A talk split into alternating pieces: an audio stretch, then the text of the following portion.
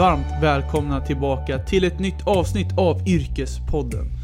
Idag gästas jag av Fanny Widman som idag driver podcasten Fannys förebilder där hon hyllar kvinnor i mansdominerade branscher.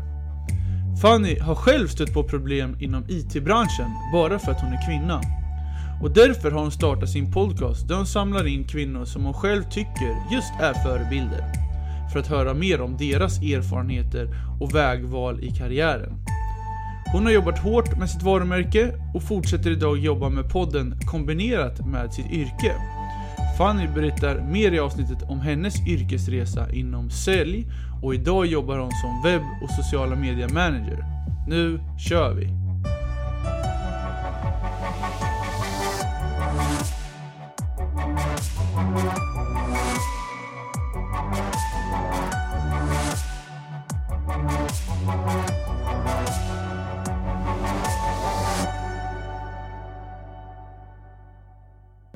Välkommen till Yrkespodden Fanny!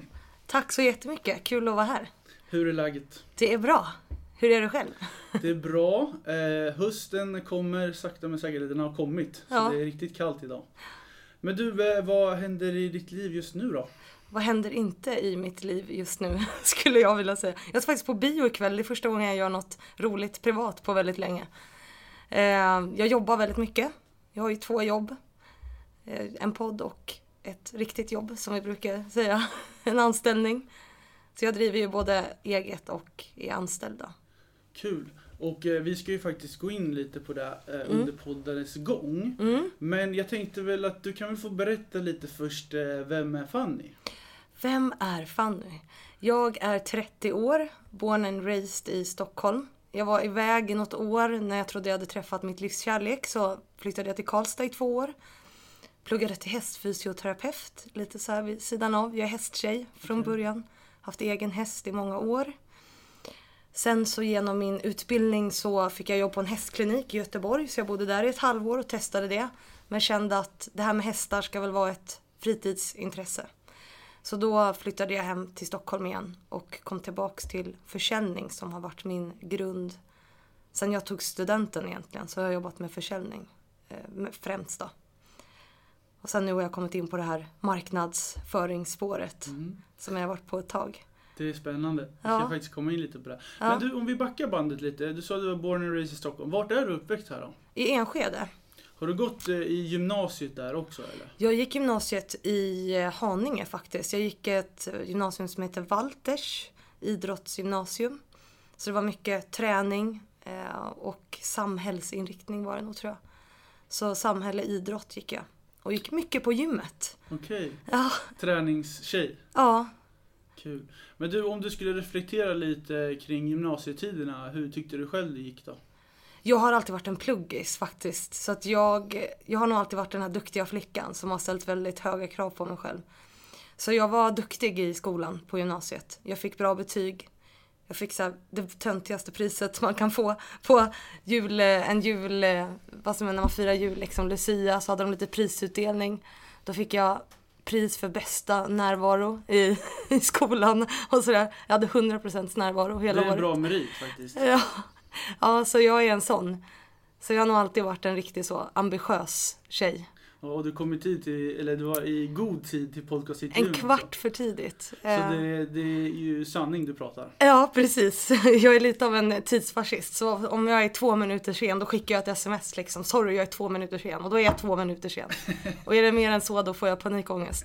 Så att jag är ganska ja, ambitiös och duktig för det mesta. Det låter bra. Ja. Men du, eh, efter gymnasiet när man tar studenten, då finns det ju mycket man kan göra. Mm. Folk eh, reser, eh, skaffar sitt första ordentliga jobb.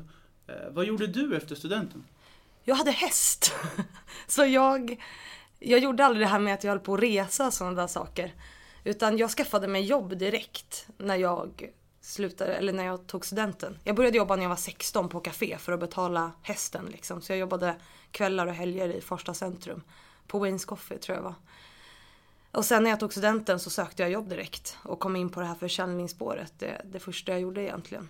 För att betala hästen, för det är fan inte gratis, ursäkta att jag svär, men det kostar några tusen i månaden. Oh ja, jag har, jag har faktiskt koll. Man har träffat några hästtjejer och de har pratat hur mycket det kostar att ha det i stallet och underhålla den. Ja, alltså jag hade ju flera tusen i månaden för jag stod ju på så här fina stall också med ridhus och det var träningar och hela kockarongen. så då måste man ju liksom eh, jobba för att ha råd med det. Jag har alltid betalat själv. Sen jag var 16 när jag skaffade min första häst. Eh, så att jag fick liksom lära mig från början och försörja mig själv. Men de säger ju att det är hästtjejer som blir chefer och sådär. Mm. Häftigt. Men du, eh, just när du kom, du var inne där på att du började med just försäljning. Va- Mm. Varför sökte du just ditt försäljningsjobb? Det var en slump faktiskt. Eh, det, jag hade inte tänkt det från början. Eh, jag fick ett erbjudande att jobba som mötesbokare, var mitt första jobb på provision liksom. Och de sa, men du får 700 kronor per möte liksom. Och jag tänkte, jag testar väl det och det var ju superlätt tyckte jag. Så att jag började ju boka flera möten om dagen, ibland sju möten om dagen. Så det rillade ju liksom in massa, massa pengar till mig. Och jag insåg väl att jag hade talang för det här med försäljning. Nu är ju mötesbokning enligt mig väldigt lätt. Vissa tycker att det är svårt. Men jag tycker att det blir ju bara om någons tid. Så det kan inte vara så jäkla svårt. Men och sen så fortsatte jag på det spåret i och med att jag alltid varit väldigt duktig på försäljning.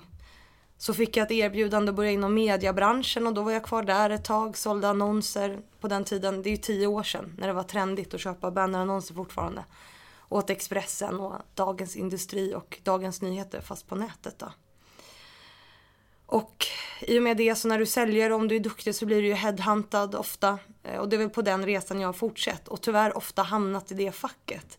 Jag, haft, jag tror jag har en sån personlighet som passar på en säljare. Och så även om jag har ganska länge velat liksom ta mig mer åt marknadsföringshållet så har jag oftast blivit satt i säljarfacket och haft svårt att ta mig ur det. Och också tyckt att det har varit kul. Men jag har alltid brunnit och varit väldigt intresserad av marknadsföring. Ja, alltså försäljning eh, kan ju vara en riktig berg dalbana. Det kan Mm. ju som sagt vara riktigt jobbiga dagar och riktiga toppendagar. Ja. Men hur, hur tacklade du liksom i försäljningsbranschen, ja, men, till exempel motgångar? Jag har alltid låtit mig själv deppa ett tag. Eh, för jag tror att det är mycket bättre. Om jag har en dålig dag eller om det går dåligt för mig, då låter jag det göra det och acceptera att just nu går det skit. Och så kanske jag stänger in mig och är sur ett tag och så ger jag mig själv 24 timmar och sen så är det bara att köra på på nytt. Eh, det har alltid varit min strategi. Just nu är jag ledsen eller mår då, eller vad det än är, även om det är jobb eller om det, är, det går dåligt i försäljning, att man liksom låter sig deppa över det. Och sen gå vidare. Jag förstår. Var hittar du liksom motivation till att liksom när det, går, när det kan gå dåligt? Var, var samlar du kraft? Jag vill alltid vara bäst.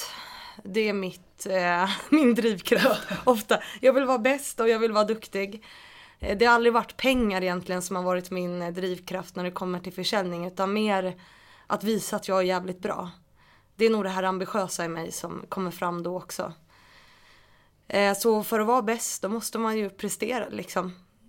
Eh, Så jag tror att det är det som har varit min drivkraft hela tiden. Så. Faktiskt. Men eh, efter du hade jobbat lite som eh, med just försäljning och mötesbokare så, var det då du började plugga på IHM? Eller hur kom IHM in i bilden?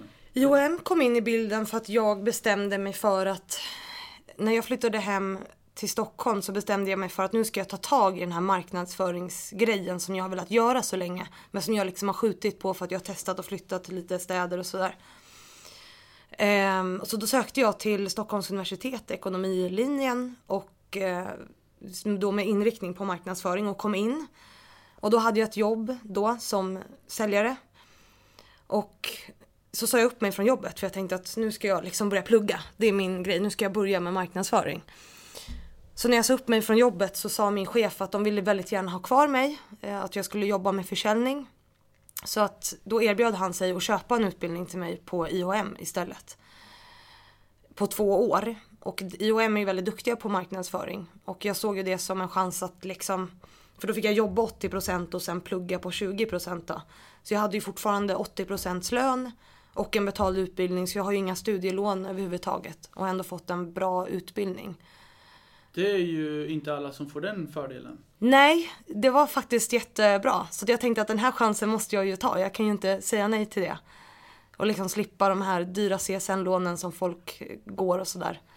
Ja, vi kan väl först och främst bara gå in lite, kanske inte alla som riktigt vet vad IHM är, men det är väl en, som jag kan se det, en, en, en yrkeshögskola. Ja, eh, Som eh, egentligen, nu vet jag att de eh, tar CSN, men har inte alltid gjort det. nej, utan det är ganska nyligen som de tror jag har skaffat så yrkesutbildningar och sådär. När jag gick så fanns inte det. Då var det precis på gång tror jag att de hade börjat dra igång det. Att man får CSN. Så det är rätt nytt. Att, de, att man kan få CSN via dem. Det har ju varit en privat skola, IOM Business School, som liksom har olika inriktningar. Då. Men mycket har ju varit fokus på marknadsföring vad jag vet. Men nu är inte jag någon IOM-expert sådär utan jag vet ju vad jag har gått där. Jag förstår. Men då, när du ändå är lite inne på det, här, vad Mm. är det du har gått egentligen på IHM? Vad har du läst?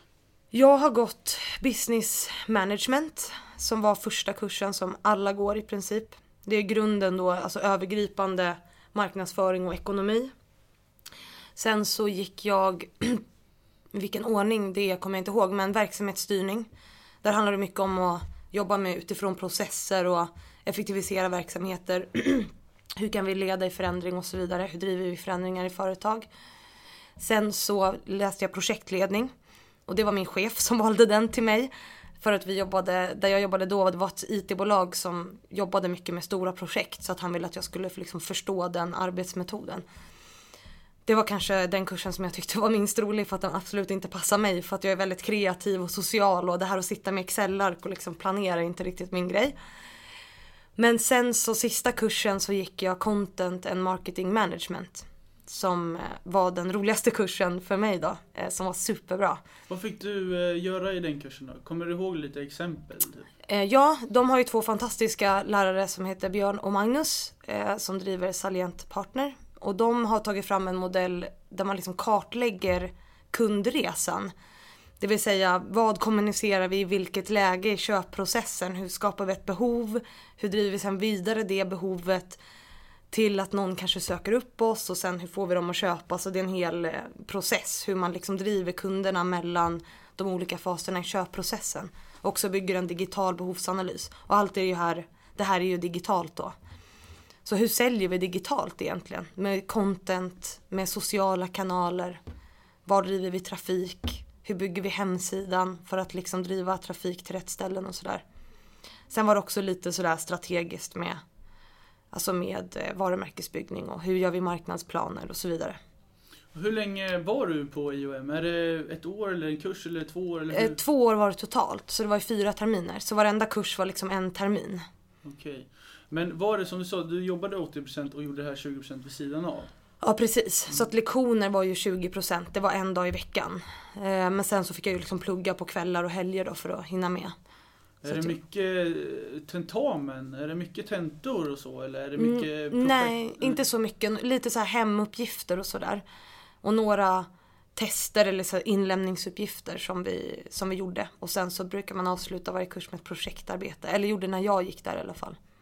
Och hur gick eh, studietiden? Gick det galant eller var det berg och dalbana? Nej, det gick jättebra faktiskt. Men det var ju något som jag tyckte var roligt. Projektledningen kanske, alltså den gick ju bra men jag var kanske inte mest motiverad under den utbildningen. Även om den var superbra att kunna så.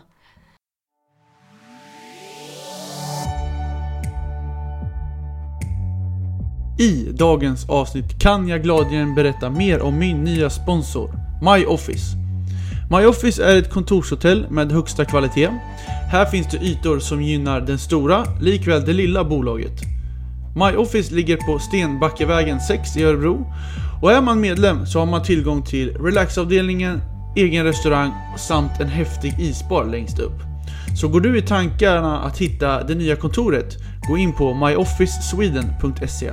Tack MyOffice!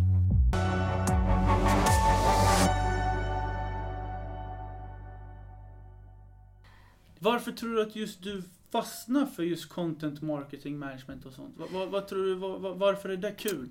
Jag gillar försäljning, men jag gillar också kommunikation. Och jag tror att det är, alltså att driva försäljning digitalt är liksom en kombination utav det. Hur skapar jag content som säljer? Då måste du alltid utgå ifrån kunden och göra en behovsanalys. Vad ska jag kommunicera? Det är ju samma när du går ut på ett kundmöte vill du göra en behovsanalys och du vill säga rätt saker. Så det här är ju liksom kundmötet fast digitalt. Så att jag tror att det är det som jag gick igång på. Liksom. Att jag tyckte att det var väldigt roligt. För jag älskar försäljning. Men det är också väldigt hög press när man är säljare. Du är, alltid en, en, du är liksom aldrig klar eller vad man nu ska säga. Du ska ju alltid jaga nästa grej. Hur, hur tacklar du press då? Bra tror jag. Alltså hur jag gör, det måste jag nog tänka efter på. Hur jag tacklar press. Jag gillar ju press. Jag jobbar bäst under press. Det värsta jag vet är ju när det blir långsamt och jag måste börja det värsta du kan säga till mig är att jag ska sitta av tid på kontoret till exempel. Då blir jag galen och sjukt omotiverad. Samma när jag jobbat så här, jobbat extra när jag var yngre på café och restaurang. Jag har alltid varit som bäst när det är sjukt mycket folk. Då, bara, då går min hjärna som på högvarv och så bara gör jag, gör jag, gör jag liksom. Så att press är nog bra för mig. Jag är den typen av person tror jag. Jag förstår. Jag, hade för några avsnitt sen så var ju Ångestpodden och gästade lite och vi pratade mm. faktiskt lite om prestationsångest. Ja. Eh, för det är ju någonting som definitivt kan, kan påverka en både negativt och lite positivt var vi inne på. Att mm. man kan prestera bättre, att man kanske blir mer fokuserad. Men det gäller ju lite hur man hanterar det där. Mm. Och är du bra på att hantera pressen då? Ja, jag tror det. Jag är också bra på att stänga av när jag behöver det. Jag kan känna så att jag blir stressad att jag eh, sitter i soffan och du vet inte riktigt kan, då vet jag att nu är jag stressad. Då måste jag bara stänga av, lägga bort telefonen och, och ta en stund för mig själv. Jag har ju hund, vilket är väldigt bra för mig. Och henne skaffade jag för två år sedan. Och hon har på något sätt också varit min räddning när det kommer till just stress och hela den här grejen prestationsångest. Att så hon måste ut var femte timme. Vilket innebär att då måste jag ta en paus. Och lyssna på en podd eller lyssna på en bra spellista och bara gå ut och gå en halvtimme. Så att det har varit superbra för mig. Mm. Det låter, låter vettigt. Ja. men kan du känna idag att eh, du kan ta med dig mycket erfarenhet från just ja, men dina studier i IOM? Att, det kommer, att du placerar dig i dagens jobb eller att du känner att ja, men i podden eller något? Absolut. Ja men det gör jag ju. Alltså det här utifrån och in perspektivet är ju det viktigaste som jag tar med mig. Jag tror att idag många kommunicerar att man försöker sälja mycket i sociala medier eller att man liksom försöker pusha på någon en tjänst eller vad det nu kan vara. Istället för att prata utifrån vilka utmaningar man faktiskt löser åt kunden. Det är nog det viktigaste jag tar med mig från den utbildningen. Och att man alltid måste fundera på vilket läge är kunden i en viss köpprocess? Vad ska jag kommunicera då? Vad är syftet och vad är målet med det jag kommunicerar just nu? Är det att jag vill sälja? Vill jag engagera? Det finns ju jättemycket saker att tänka på. Det är inte bara att publicera något i en kanal liksom. Mm. Nej, du är ju väldigt aktiv på sociala medier och väldigt duktig på content har jag sett. Jag var inne på lite på din Instagram och LinkedIn som vi har pratat på. Mm. Eh, men har det liksom i sociala medier där det har växt fram ett yrke som det ändå har blivit nu genom digitaliseringen. Mm. Eh, när, när liksom fattade du intresse för att okej, okay, sociala medier, här finns faktiskt en jäkligt häftig plattform att jobba på? Det var nog när jag startade podden faktiskt som liksom sociala medier blev min grej som jag har lärt mig sjukt mycket av. För där var ju jag tvungen att använda en, alltså en plattform där jag inte har någon budget, du vet ingenting. Jag måste ju bara bygga upp en följarskara och liksom marknadsföra min podd på något sätt. Och då, då, startade jag en Instagram med liksom noll följare och sen har jag försökt att bygga upp den kanalen. Och sen har jag också jobbat mycket med LinkedIn och försökt att förstå hur det fungerar och vad engagerar människor och så vidare. Det var så mitt intresse började för sociala medier egentligen. Just den specifika nischen inom marknadsföring. Spännande. Vi ska faktiskt gå in på din eh, podcast Fannys förebild alldeles strax. Ja. Men först tänkte jag ändå, eh, du ska ändå få prata lite om din yrkesroll på Mm. ditt företag idag. Du kan väl berätta lite först eh, vad, vad ditt företag, vad du jobbar på? Precis. Jag jobbar på Society som är ett... Svårt att uttala. Som alla säger Sogetti oftast, som du gjorde Jag idag. Society, jag lärde mig det när jag intervjuade deras marknadschef som numera är min chef för min podd. Då lärde hon mig att det heter Society. Och det är ett IT-bolag som ägs utav Capgemini-koncernen som är gigantisk då.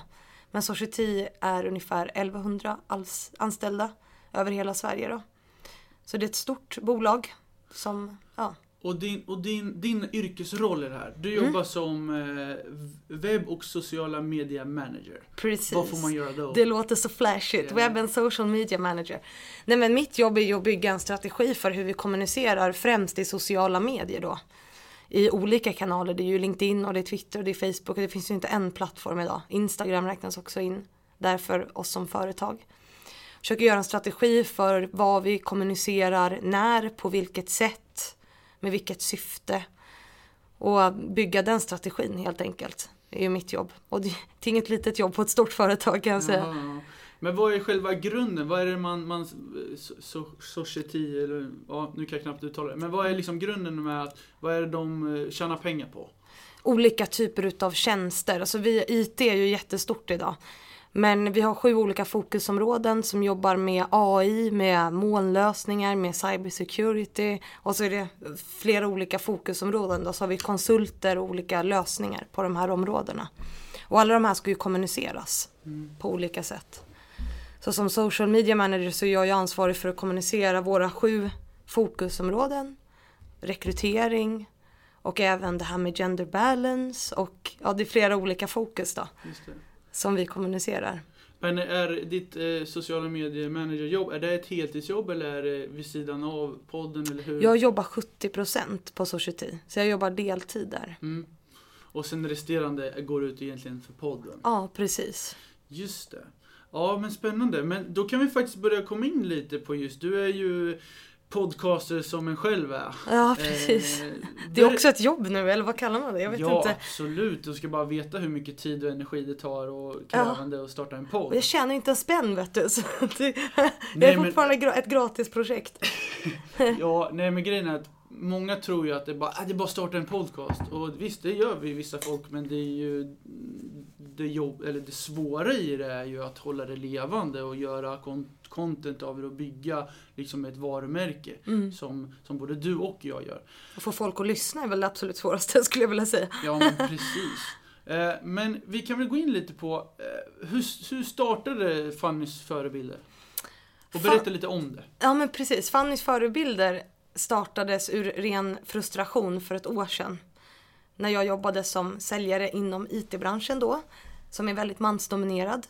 Jag var ute på kundmöten och upplevde att jag fick mindre gehör än mina manliga kollegor. Att jag blev satt i det här kända lilla gumman-facket eller att jag blev utsatt för sexism ganska ofta. Och jag blev väldigt frustrerad över det eh, och pratade med min chef och han sa till mig att jag inte kunde vara mig själv för att då skulle alla män vilja ligga med mig. Och det var, ja, det var också en speciell chef. Men, men liksom den här frustrationen växte hos mig hela tiden. Och då började jag ställa mig själv frågan om det händer sådana här kvinnor som har gjort karriär. Hamnar de i liknande situationer och då är det ju viktigt att ta reda på hur man tacklar det. Hur kan jag som ung kvinna bemöta när en man utsätter mig för sexism eller inte ger mig gehör och så vidare. Så då bestämde jag mig för att jag frågar dem och så spelar jag in det och så släpper jag det som en podd. Och det var liksom grunden till Fannys förebilder. Och sen har jag ju kört den i ett år nu. Spännande. Och du har ju fått eh, jättebra gäster och väldigt bra, bra feedback på. Men, men när du kände just den här frustrationen, var mm. det liksom, hur kom det just att det skulle bli en podcast tänker jag? Alltså, det kom, jag vet inte, det kom bara som en blixt från klar himmel. Alltså, eller jag vet inte hur jag ska beskriva det, men jag lyssnar mycket på poddar själv. Och kan ibland känna att man så målar upp folk som så himla fantastiska och jag är så bra. Och då är jag så här, men hur blir jag så bra? Om jag alltid hamnar i Säg då att vi pratar om Helene Barnekow eller Ebba Busch Thor eller vi säger så här, ni är så himla bra. Ja men hamnar du i de här situationerna som jag gör? Eller gör jag någonting fel? För det var ju det som också var grundgrejen för mig. Att jag började klandra mig själv. Att jag kanske är för framåt eller du vet sådär. Så att min första tanke var egentligen att jag skulle fråga dem. Mm. Och sen när jag lyssnar på poddar och känner att vi alltid målar upp alla som att de är så bra så vill jag också prata om vilka utmaningar möter ni specifikt i det här nischade området, alltså som kvinna. Vad har du upplevt händer dig för att du är kvinna längs din karriär? Eh, det vill jag höra om, för att jag hade inte hittat det någon annanstans för mig själv. Så det var bara, det var nog bara en idé som vad jag själv skulle vilja lyssna på liksom. Jag fattar. Men du, eh, om jag får bara gå in, du är ju lite inne på det ämnet just nu, men, men varför tror du, jag skrev upp det här som en fråga, alltså vad tror du just varför kvinnor har större utmaningar i arbetslivet? Vad, vad tror du är generella saken? Det beror ju på strukturer. Alltså allt som händer idag, det är ju ett, liksom ett resultat av de strukturer som vi har i samhället och i näringslivet. Vi får inte glömma att näringslivet är ju skapat av män för män. Vi har en bild av vad ledarskap är som är ganska förknippat med manlighet. Så att kvinnor bryter ju fortfarande norm i näringslivet. Och det är det jag tror är en utav sakerna. Det finns ju hur mycket som helst. Men alltså det är ju strukturer. Som är själva grundgrejen. Sen kan man ju bryta ner det hur mycket man vill men. Mm. Ja, men det låter, det låter, alltså det, det ligger någonting i det där, absolut. Men jag tänker lite, eh, bara en spontan fråga med just förebilderna. Är, är det bara dina förebilder eller är det folk som kanske, det här är min förebild, du borde intervjua hon? Jag får ju jättemycket tips ifrån lyssnare och följare och sådär som säger att de vill höra vissa personer. Jag får som dig också, du säkerligen också får massa mejl ifrån PR-byråer. Så att idag behöver inte jag jaga gäster längre utan de kommer ju till mig liksom. Men sen får alla gå igenom en panel som jag har satt ihop som får bestämma liksom vem som får med i podden och inte och sådär. Ehm, så det är inte bara mina förebilder utan jag tycker att alla som är med är förebilder på sitt sätt liksom. Men det kommer ifrån lyssnare och följare och Det här är en sån typisk också. fråga som jag alltid också får. Det är så här, vad är, vilken är din drömgäst? ja, Jag får alltid den. Då måste jag ändå ställa den till dig. Vilken är din drömgäst? Michelle Obama är nästa mål. Okej, hur ska du få tag i henne? Jag har ju bokat en av mina drömgäster. Det är fortfarande mig, eh, hemligt även om jag berättat det för dig. Så det kommer snart. Följ Fannys förebilder. Aha. Jag Men- berättade för dig innan vem det var jag hade bokat. Okej, ja, Ja. okej. Men du får inte säga det här? Nej, det är fortfarande hemligt. Ah, okej. Då får de alltså hålla utkik på Ja. kanalen. Precis. Spännande. Men eh, just Caroline Farberger kan vi säga också. Det är en av mina drömgäster som är lite mer. Okej, men berätta lite mer. Vem är det? Jag har inte koll. Caroline Farberger är ju VD på ICA Försäkringar. Ja. Det är ju hon som har gått igenom en könskorrigering Ja, nu, tror man nu säger. ringer en klocka. Korrekt, ja. Så hon är en av mina drömgäster också. Okej. Men du, som, som sagt, jag, jag, när jag skulle starta podcast så var det ju också så här. Hur startar man en podcast egentligen? Ja, Har du varit i det där stadiet? jag har varit i det stadiet. Hur resonerade du och hur gick resan? Resan gick så att jag började fundera på, innan jag ens började reda ut hela det projektet, jag googlade, det är jättelätt att starta en podcast. Jag bara okej men bra, då vet vi, det är enkelt. Så jag tänkte att först så måste jag ju ha content vilket innebär att jag måste ha gäster. Så att jag började, det första jag gjorde det var egentligen att mejla olika kvinnor som jag tyckte passade in i min podd. Och fråga om de ville vara med. Och typ alla sa ja direkt. Så att, och då hade jag ju ingen aning om hur man gjorde. Jag hade inget namn på podden och så vidare. Eh, men jag bokade in massa intervjuer och började då spela in. Och sen så redde jag ut allting längs vägens gång. Det vill säga jag fick hjälp att köpa mikrofoner, jag fick hjälp att ladda ner det här programmet som man klipper i. Eh, jag fick hjälp att skriva jingel, mixa ljudet, alla de här sakerna. Och sen så tänkte jag, vad laddar jag upp det här? Jag vet inte om du gjorde samma miss som mig i början. Jag laddade upp avsnitt och bara, nu kommer det. Och så bara, nej det gör det inte för du måste få det godkänt av iTunes Ja. och Spotify och Ja, hela den här grejen. Jag känner igen mig väldigt mycket där, speciellt med allt med jingel och hitta, eh, boka träff med gäster och sitta och klippa. Jag Ah. känner igen mig väldigt mycket. Jag har ju en lillebror som är musiker så jag hade ju den turen att han har ju hjälpt mig väldigt mycket med, med de här ljudgrejerna och jingel och hur man spelar in och sådär. Det är ju superbra att ha den, det hade inte jag. Nej, då är det också svårare. Då får man ha Google som sin bästa vän. Ja, Men du, eh, jag, jag, det här är faktiskt lite så här frågor som jag brukar få också, så jag tänker det är lika bra att jag, jag ställer dem till dig också. mm. Men eh, om du får välja bland lite gäster, vilka har liksom varit de mest inspirerande och vad, vad har gett, gett dig och podcasten mest för gäster? Eh, Tänker du antal lyssnare eller mig som person Ja, jag, eller? jag, kan ta både och. Vi kan väl börja lite i, eh, som dig, vad hade gett dig mest? Jag kan inte välja ut någon gäst. Alltså det där det har säkert du också svårt för jag tycker att alla bidrar med sin, med sin sak liksom. Jag tycker att det är supersvårt att säga att en gäst har gett mig mer än någon annan för jag plockar liksom godbitar ifrån alla. Den som har rört mig mest som person det var när jag intervjuade en jurist som heter Silvia Ingolsdottir som pratar om våld i nära relationer och människohandel och sådär. Då satt jag hemma och grät i två dygn efteråt och drack massa vin och mådde jättedåligt. för att det var så jobbigt, alltså det, jag blev så tagen av själva den historien och jag var inte beredd på det för att hon berättar om så här fall som hon har varit med om. Och jag kan bli så tårögd när jag tänker på det idag. Det är väl det avsnittet som jag minns liksom tog på mig mest rent känslomässigt så. Men jag har ju, alltså hela den här podden och alla kvinnor som jag har träffat, för det är ju typ snart 60 kvinnor som jag har intervjuat. Alla har ju liksom lärt mig något. På något sätt. Så jag har jättesvårt att säga att det är någon som är, står ut mer än någon annan. Har du haft några svåra intervjuer? Ibland kan det ju vara lite svårt att få igång folk att prata på Mm. sin gäster. Har, du några, har det varit någon gång när du kände bara oh, shit, det här, det här var en svår intervju?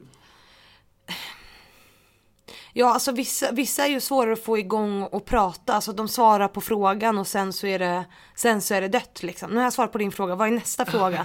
Och, det, och, och vissa är ju så. Men, och det här att intervjua, det har ju du säkert lärt dig att det är ju en, en teknik och att liksom få ett samtal att lå, låta levande. Det är ju superduper jättesvårt. Och det var ju mycket svårare i början också. Då kom jag ju av mig flera gånger att jag bara shit vad ska jag fråga nu? Och jag kommer inte ihåg intervjuerna heller för att jag hade jag hade inte lyssnat på vad gästen sa när vi pratade för att jag var så fokuserad på vad jag skulle fråga härnäst liksom. Ehm, så ja, vissa är ju såklart svårare att få igång. Men eh, det här ämnet tror jag de som jag bjuder in, eh, de vill gärna prata om de här sakerna. För det har ändå varit lite, det är också, jag måste bara inblicka här med, för det har ju varit lite tabulagt Ja, för många år sedan. Och nu har det blivit väldigt starkt och det är ju så bra. Ja. Så att nu känns det ju som att det är mycket mer, alltså det, det är vanligare att prata om det. ja precis. Och det, vi hade ju hela metoo-grejen och sådär. Eh, metoo-grejen säger jag nu, det var ju helt fantastiskt. Ja, Men det har ju såklart gjort att det blir lättare att prata om det. Eh, Så jag försöker få mina gäster och eh, liksom ge ut sig själva så mycket som möjligt och vad de har varit med om. För jag tycker att det är så viktigt att prata om. Så att vissa säger ju att det är nästan terapeutiskt liksom att vara med i min podd för att man får liksom öppna upp sig och prata om svåra saker. Sådär. Kan du märka fortfarande att det är vissa som inte riktigt vill kanske prata om det? För det måste ju man ha en respekt för också, för alla vill ju kanske inte gå ut offentligt med allt. Mm. Och jag vet ju också gäster som inte heller vill, vill, vill vara med, eller man, man har frågat någon, ja, men den, den vill inte prata om för allt blir offentligt nu. Ja. Har du märkt att det är fortfarande folk som, nej, jag, nej det vill jag inte prata om. Nej, alltså jag har inte upplevt, det är faktiskt ingen som har eh, sagt så till mig ännu. Vad bra. Inte ens politikerna. Alltså jag tror att, och det är också ett ställningstagande att vi ska prata om det, tror jag. För jag tänkte ju att politikerna skulle vara svåra, alltså att de, och att de kanske inte skulle vilja, men de har varit väldigt eh, öppna och liksom velat prata om det öppet. Och det tror jag som sagt, det är ett, ett sätt att ta ställning och säga att det här är liksom inte okej. Eh, och ett sätt att positionera sig som att det är viktigt. Oavsett vilket parti man tillhör eller sådär. Förstår.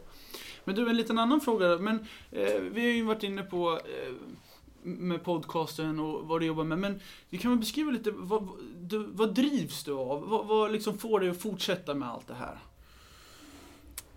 Oj, gud vilken eh, svår, vilken svår fråga. När det kommer till podden så handlar det om att jag vill få förändring. Eh, för jag menar podden tjänar inte jag några pengar på och liksom har inte haft det egentligen som mål från början att jag ska tjäna pengar på det. Utan det driver jag ju som en plattform där jag vill få chansen att förändra någonting. Jag har ju hittat mitt sätt att driva, driva förändring liksom. Så det är väl min drivkraft och det som är min drivkraft nu också det är att jag får väldigt mycket, när det kommer till podden, så får jag väldigt mycket meddelanden från kvinnor som hör av sig till mig på sociala medier och säger att de blir inspirerade, att de lär sig av mina poddavsnitt.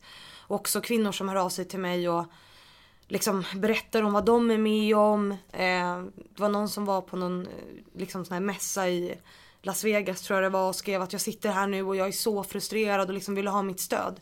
Då känner jag att då har jag liksom gjort någon form av skillnad. Och det är väl det som driver mig när det kommer till podden i alla fall, skulle jag vilja säga.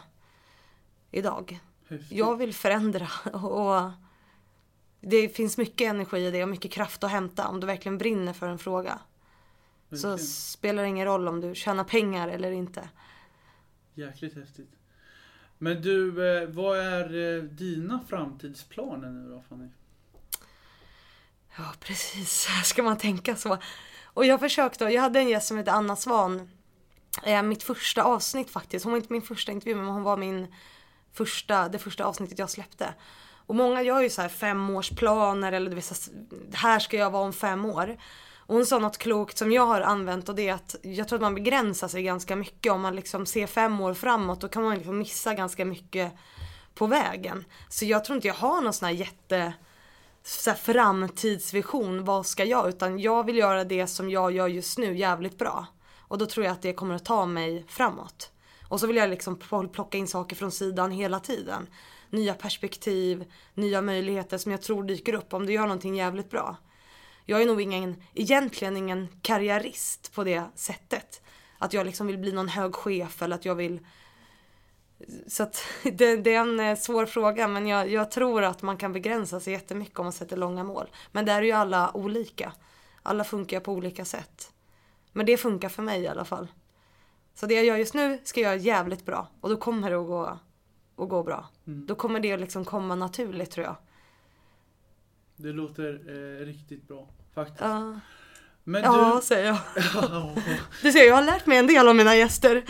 ja. ja, man lär sig det här, mycket. Det här hade jag nog inte sagt innan jag startade podden. Då hade jag nog sagt att så här, om fem år är jag VD eller marknadschef här och där och mm. jobbar på den här mediebyrån eller vad det nu kunde vara. Jag hade nog sagt så innan jag startade den här podden. Mm. Men jag gör inte det idag.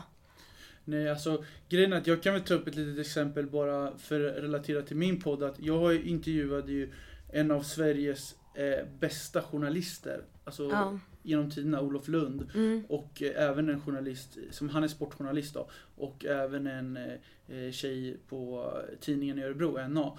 Och du vet, jag har ju ingen journalistik i mig. Utan Nej. jag är ju bara en, en driven kille som bara vill eh, hjälpa folk att hitta sina drömyrken och mm. liksom ta inspiration. Att lyssnaren kan lyssna på just podcasten och säga okej okay, men det här yrket kanske är någonting för mig. Och hur egentligen blev, blir man det? Och hur ser vardagen ut? Och vad jobbar man mm. med? Och, det, är, en stor fråga idag där, där, folk inte riktigt vet vad de vill bli. Och jag brukar alltid säga det att jag startade podden själv för jag inte vet vad jag vill bli. Nu vill jag bli 10-15 olika yrken samtidigt. Ja precis. Ja det är det som är Det är det som kan bli eh, kruxet då, om man börjar titta på massa yrken. För jag tror att alla Det viktigaste när man letar ett jobb och vad man vill göra det är att man liksom att man brinner för det man gör, att man tycker att det är roligt. Det är det absolut viktigaste. Jag tror att det är så många som liksom klättrar i karriären och man ska bli chef och vad är karriär egentligen? Är det att bli chef eller är det att... För vi pratar ju om framgång mycket och det säger ju Annika R. Malmberg väldigt bra att mm. framgång det är att vara stolt över sig själv inför sig själv. Alltså det här jag gör just nu, det gör att jag känner att jag är stolt över mig själv. Jag kan se mig själv i spegeln och känna att jag gör någonting bra då är det framgång. Det är inte, alltså karriär får ju alla definiera och framgång för sig själva tycker jag. Men det viktigaste är ju att det man, alltså man tycker att det är kul att gå till jobbet. Så att det inte är att gå upp på morgonen och bara liksom. Livet är lite nu för kort för det. Ja men precis. Det är ju, livet är för kort för det. Jag går upp sex varje morgon och gör mina grejer och tycker att det är superroligt. Och då är man ju rätt liksom. Verkligen. Men det är också lite det här med att det kan ju vara svårt att hitta vad man vill jobba med också. Det, det är det som liksom inspirationen ska vara. Mm. Och, och, det som är väldigt bra med just mm, gäster som är med i podden mm. är att de kan berätta sin yrkesresa. Lite så här, den här vägen tog jag, jag gick mm. det här, jag studerade det här, jag pluggade. Och, och det leder alltid till något. Ja. Och det, det är nog viktigt för folk att få lyssna eh, på, på andra folk, hur de gjorde. Mm. För då kan man ändå kanske få lite inspiration att okej, okay, så här gjorde hon, så här gjorde han, så här kan jag göra. Ja, och det där handlar ju om att testa. Alltså våga testa. Det har ju jag faktiskt gjort. Jag har ju testat lite olika yrken, lite olika branscher. Eh, och liksom kommit fram till vad jag tycker är roligt.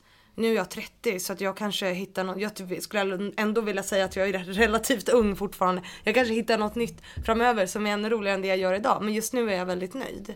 Men det är ju för att jag har vågat att testa och flytta till olika städer. Ja, men jag älskar hästar så jag testar att jobba med det. Det var inte min grej. Det blev för mycket hästar. Det är ett fritidsintresse. Men då vet jag det, då har jag testat det liksom. Och på någonstans liksom landat i att det här är det jag vill göra. Och nu är det ju mitt, det här mitt första jobb med liksom, där jag jobbar med ren marknadsföring. Så jag är ju superglad att jag liksom har fått komma in på det spåret, att jag har fått den chansen. Trots att jag inte har någon högskoleutbildning eller sådär.